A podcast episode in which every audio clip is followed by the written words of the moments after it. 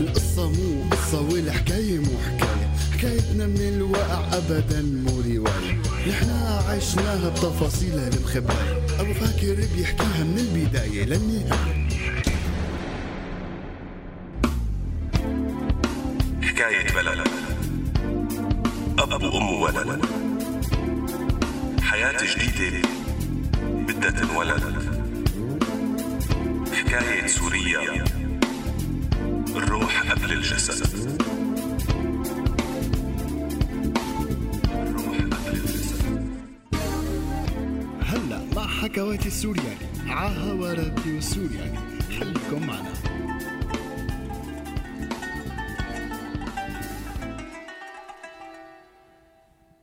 مشيت السيارة الكيا وبقلبها سمر والشبين محاوطينها من الطرفين وصالح عم يشوفها من بعيد وهي عم تبعد ومو فهمان شو صار وليش مين هدول؟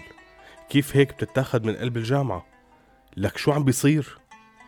هلا مشان رفقاتنا السورياليين يلي ما بيعرفوا القصة نحن مكملين بحكاية صالح وسمر هلا طبعا الأفضل إنكم تسمعوا الحلقتين يلي قبل حتى تعرفوا تفاصيل أكتر بس كمان لعيونكم حخبركن على السريع عن سمر وصالح الشاب والصبية اللي تعرفوا على بعض بالجامعة. كان بيناتهم علاقة صداقة غريبة. كيف رجعوا التقوا بعد ما خلصت الجامعة؟ التقوا بالصدفة بوحدة من مظاهرات ساحة العاصي بحما. كيف لما اتفقوا يلتقوا بالجامعة حتى يحكوا أكتر عن توجهاتهم وأحلامهم وشو عم يعملوا بالثورة؟ نزلوا وحست سمر إنه في مين عم يلحقها. فما خلت صالح يقرب عليها ولا يحاكيها؟ وفجأة بيشوفها محطوطة بسيارة ومأخوذة برات الجامعة. وهلا رستقولنا قعدتكم حتى نكمل الحكاية. اليوم وبكرة اليوم وبكرة رح نحكي عن بكرة أحلى امبارح اليوم وبكرة رح نحكي لك يا بلدي. كيف تغيرنا وغيرنا كيف صرنا نحبك أكتر. ورجعنا يا بلدي تجمعنا وعمرنا يلي تدمر حلاوة الأفكار نستنا وجع الأخبار ورجع الأمل بضحكة الصغار. سوريالي سوريالك سوريا إلنا كلنا. سوريالي سوريالك أنت اللي قادر تغير وهيك إخواتي رجع صالح يومها على البيت وهو مهستر تماما. رغم إنه بيسمع كتير قصص قديمة وجديدة عن الاعتقال والتشبيح وكيف بيتاخدوا الناس وما حدا بيقدر يتدخل ولا يعمل شي وبلحظات كان كتير يشكك بفكرة إنه ما حدا بيقدر يعمل شي وبيعتبر إنه الناس جبانة واصلا هن ما بدهم يتدخلوا. وعلى قولة المثل يا فرعون مين فرعنك؟ قال لهم ما لقيت حدا يوقف بوشي. بس هلأ هو عاش لهي اللحظة. عاش وحس بالعجز التام. كيف ممكن فعلا ما يقدر يتدخل ولا يعمل شي حس قديش الحمل تقيل وكبير وقديش قدامنا شغل. وأول شي هلأ لازم يخبر المجموعات اللي بيعرف إنه سمر عضوة فيها مشان يطالعوها ويوقفوا تواصل مع حسابها لبين ما يعرفوا شو صار معها لأنه إذا قدر الأمن إنه يفوت على حسابها أو هي تحت الضغط عطتهم الباسورد فممكن إنه يبعتوا روابط تهكير للباقيين ويسرقوا حساباتهم وشو فيها معلومات ويوصلوا لأصحاب الحسابات الأساسية ويعتقلوهم. بس يا ترى شو حيقول لهم؟ إنه حيقول لهم سمر قصدي أحمد إسوا يعتقل من الجامعة وهو بنت مو شاب؟ مستحيل حدا يصدقه. طب يقول لهم إنه هو شاب وإنه بيعرفه؟ بس بركي طلبوا تفاصيل عن الاعتقال حتى يتأكدوا انه صادق وشو صار. طب شو الحل؟ شو لازم يعمل؟ ما في كتير وقت لازم يتحرك بسرعة. حسم أمره إنه حيخبرهم مختصر مفيد وما يفوت بالتفاصيل. اللي بده يصدق يصدق واللي ما بده يتحمل. ويعتبر إنه الوضع بيخدمه كونه الكل حريص على السرية. فممكن يفهمهم وقت يقول لهم إنه ما فيه يحكي أكتر من هيك. بس خدوا احتياطاتكم وطالعوا من مجموعة العمل السرية. وهذا يلي صار. فعلا كتير من الناس أخذوا كلامه ثقة بدون ما كتير يناقشوا. حذفوه لأحمد إسواي. بس صالح ما قدر يعمل هيك ما قدر يعمل block للحساب. خاف إنه ما يعود يقدر يعرف عنا أي شي لسمر. مشان هيك عمل حساب جديد وخبر كل الناس يلي بيتواصل معهم إنهم يعملوا إضافة لهذا الحساب الجديد ويلغوا حسابه القديم لأنه شاكك إنه ممكن يكون مهكر. وترك هداك الحساب بس حتى يتابع أخبار سمر. مرت الأيام سنة ونص وصالح كل يومين ثلاثة بيعمل حركشة بحسابه السري لكن بدون جواب. واضح إنه حتى الأمن ما أخذوا الحساب منه. سنة ونص صالح ما مل. بقي عنده أمل حتى تطلع. إنه حيشوفها ويحاكيها ويجتمعوا ويكملوا. ولبينا ما نعرف شو صار معه بعد هالانتظار منروح لفاصل ونرجع. لو إني بعرف انه عيونك لون من لون الربيع. ما كنت بفتش عنن كل فصول السنة ولا كنت بضيع.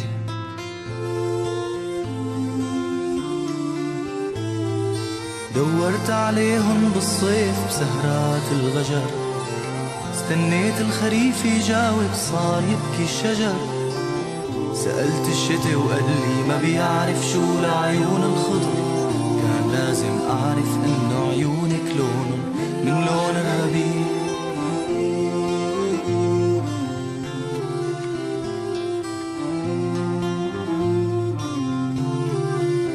لو إني بعرف إنه الضحكة بتشرح كل الما بينقال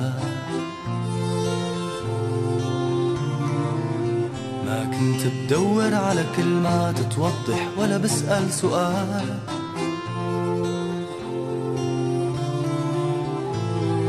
وما كنت بألف أغاني ولا بكتر حكي ولا بقبل قلة شاعر عالكلمة بيتكي.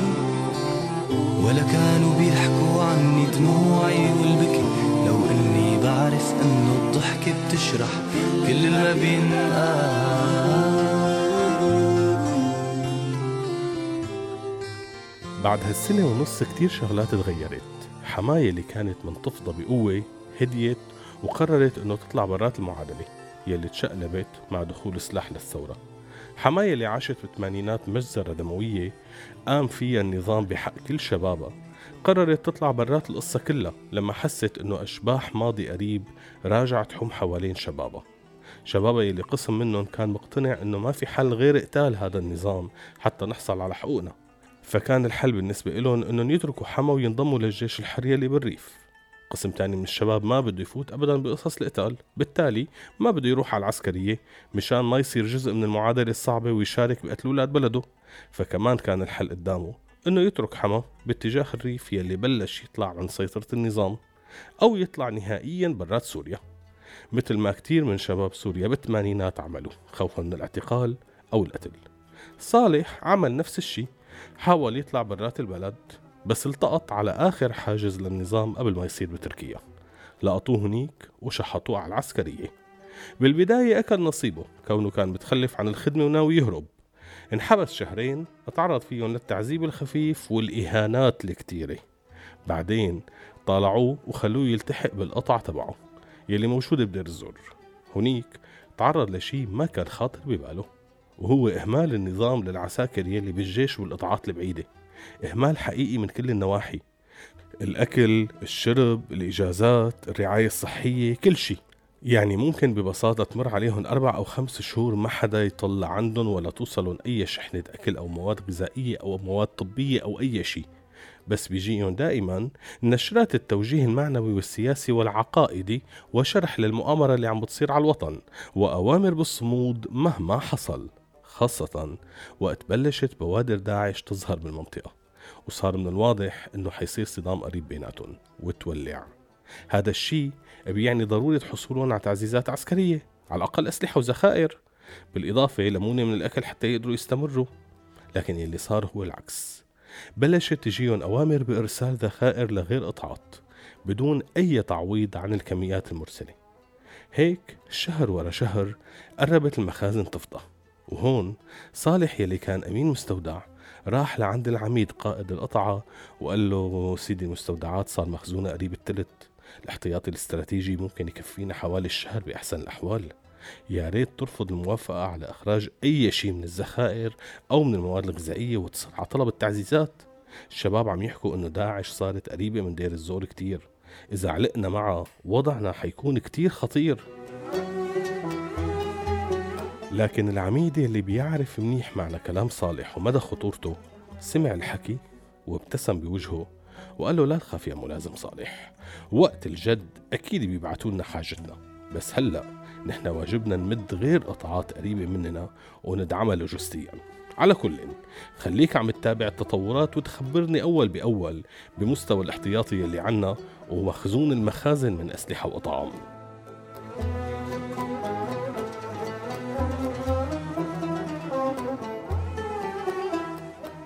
بقي صالح محتار ومرتبك وعم بفكر إنه كل يلي صار مو منطقي.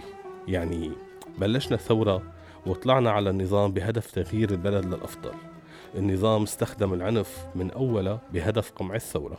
فلت كل المجرمين ومهربين السلاح يلي بالسجون وحط بدالهم الشباب المدني بالمعتقلات أو سهل لهم أمورهم كرمال يسافروا أو سحبهم على الجيش. فاتت الأمور ببعضها وبلش السلاح ينتشر بين العالم. بلشت تظهر فصائل مقاتلة ما حدا عرفان أصلا من فصلها. بعدين بلشت تزيد المعارك وقصص تحرير ومن ثم تطهير. مناطق تطلع وتروح وترجع ما بين مناطق محررة من سلطة النظام مناطق مستعادة لسلطة النظام. وبالحالتين يلي عم ياكلها هن أهالي هاي المناطق. داعش ونصرة وغيرها وغيراتها من كل هالألعاب كلها ظهرت وصارت تلعب.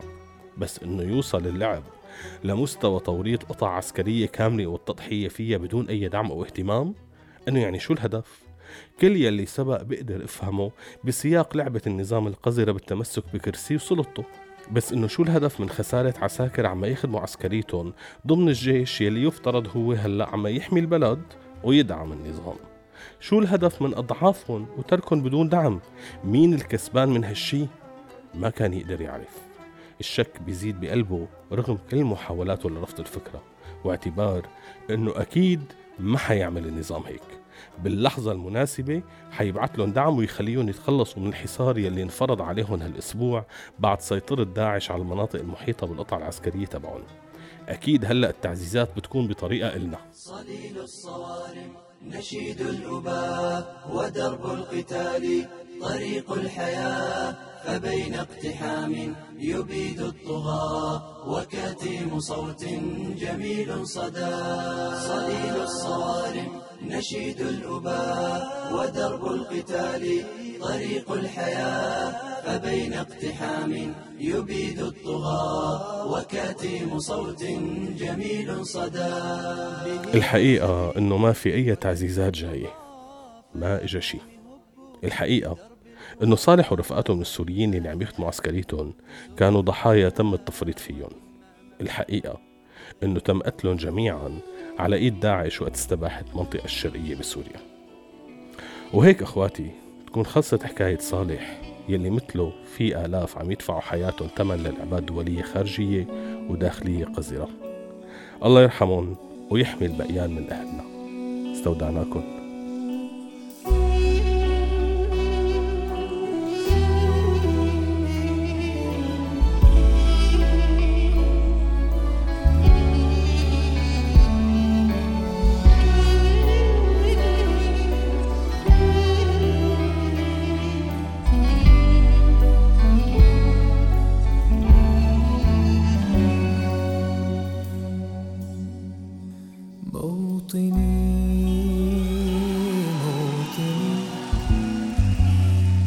الجلال والجمال والسلام.